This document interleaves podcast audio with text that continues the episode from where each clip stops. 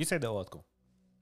المرة الماضية كنت عم بحكي لكم آه كيف إنه شهريار وشهزمان اكتشفوا إنه نسوانه عم بيخونوه قتلوه وخلصوا من شره بس نحن ما مشجع للقتل. بس يعني عم نحكي لكم إنه شو صار بالقصة. فقال له شهريار لأخوه شهزمان قوم لنشوف. لا الملك حينفعنا. وإذا في حدا بهالدنيا مثل حكايتنا فموتنا أحسن وأريح. فقال له شهزمان أمرك. طلعوا اثنيناتهم على الغابة ومشيوا شي يومين ثلاثة. لقوا فيها بحرة وجنب منها في شجرة. قالوا لحالهم يلا بنروح بنريح وبنشرب شوية مي وبنعبي الزمزمية شوي تلاقي هالبحرة صارت تبقبق وطلع لك عمود أسود غطى الشمس. وعم يقرب جهته. هدين كان خطاي خافوا من حلاوة الروح تعربشوا على ظهر الشجرة أو على الشجرة يعني. وقالوا هاتوا لنشوف شو هاد؟ والله يا سيدي طلع لك جني. طول اللوح. عريض؟ شي الله لا يوريك حاطط على رأسه صندوق.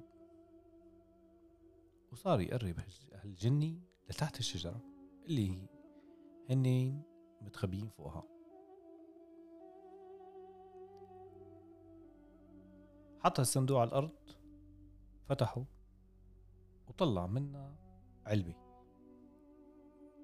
فتح العلبة فطلعت منها صبية مثل القمر شعرها طويل جسمها نحيل وعيونها صغار وتمها مثل الفستق. لا عين شافت ولا رأيت. وصار شهريار يقول فيها شعر. المهم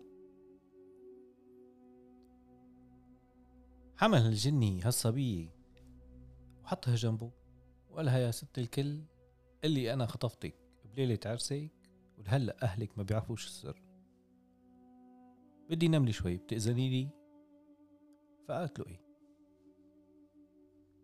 فحط راسه على فخدها وغمض عيونه ونام.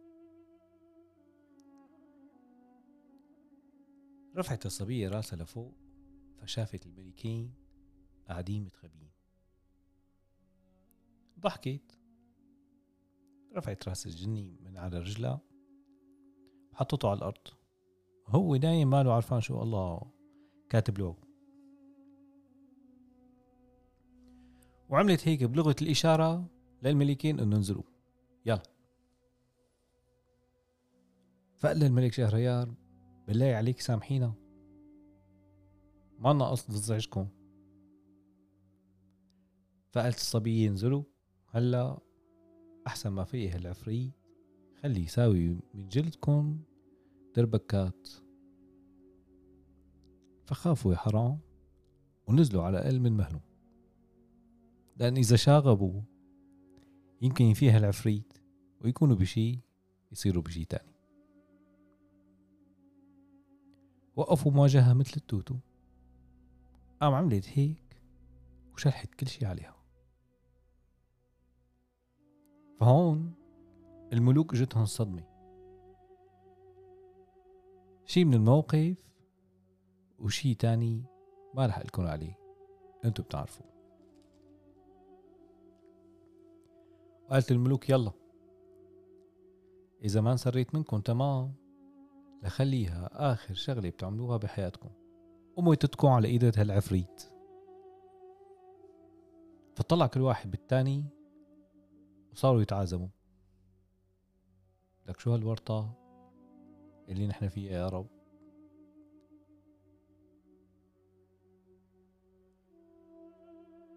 وصارت هالصبية تشاور لهم يا عندي هون يا أما العفريت خيار لكم. قال له شهزمان لأخوه شهريار انت أكبر. بلش انت من شان واجبك. صاحب واجب صراحة. يعني شهزمان من من بداية الحكاية هو صاحب واجب. المهم بلا سيرة عملوا اللي قالت لهم عليه. والحمد لله كان في سرور وانبساط بالنسبة إلها. وتم الأمر مثل ما بيقولوا.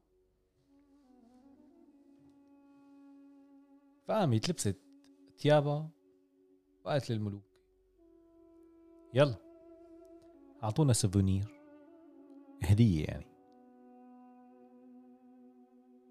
كل واحد منكم يعطيني خاتمه.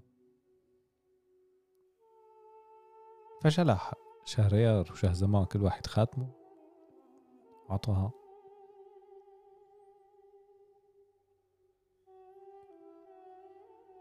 فطلعت من جيبتها أو من عبها يعني لا صراحة يعني بتكون يعني المكان السيف يعني اللي كتير عند النسوان هو العب.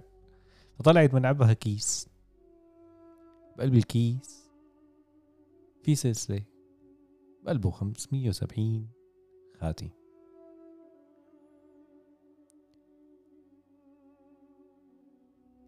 فسألها شهريار للصبية قال لها شو الحكاية؟ شو قصتك مع العفريت وشو قصة ال 570 خاتي؟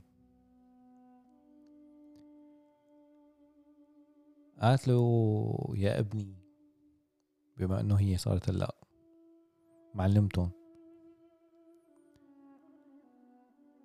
أنا قصتي هذا العفريت خطفني بليلة عرسي. وحطني بهالعلبة وخباني بقلب الصندوق والصندوق ما حدا بيقدر يفتحه بنوب من جد بنت هالعفريت. مفكر إنه المرأة إذا ببالها شي بدها تعمله ما رح تقدر تعمله. قصة ال 570 خاتم. هدول مثل حكايتكم. كل ما بينام هالعفريت بي الله بيكتب الله بيكرمني بشي واحد مثل حكايتكم وباخذ منه السوفونير فطلع هيك شهريار بأخوه شهزمان وودعوها للصبية وحملوا حالهم مشيوا بالطريق قال له شهريار لشهزمان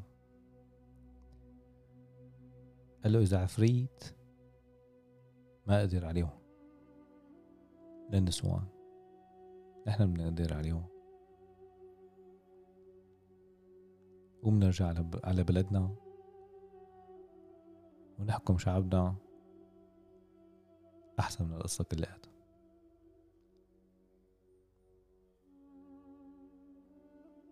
المرة الجاي رح أحكي لكم الحكاية اللي هي الأشهر يعني اللي هي الأغلب. بيعرف شو قصتها. ولكن مثل ما قلت لكم قبل كل قصة في قصة. أتمنى تكونوا انبسطتوا. ولسه مشوارنا طويل. شهريار سمع من شهرزاد ألف يوم. يعني تقريبا ثلاث سنين. بدكم تحملونا. الله يحميكم.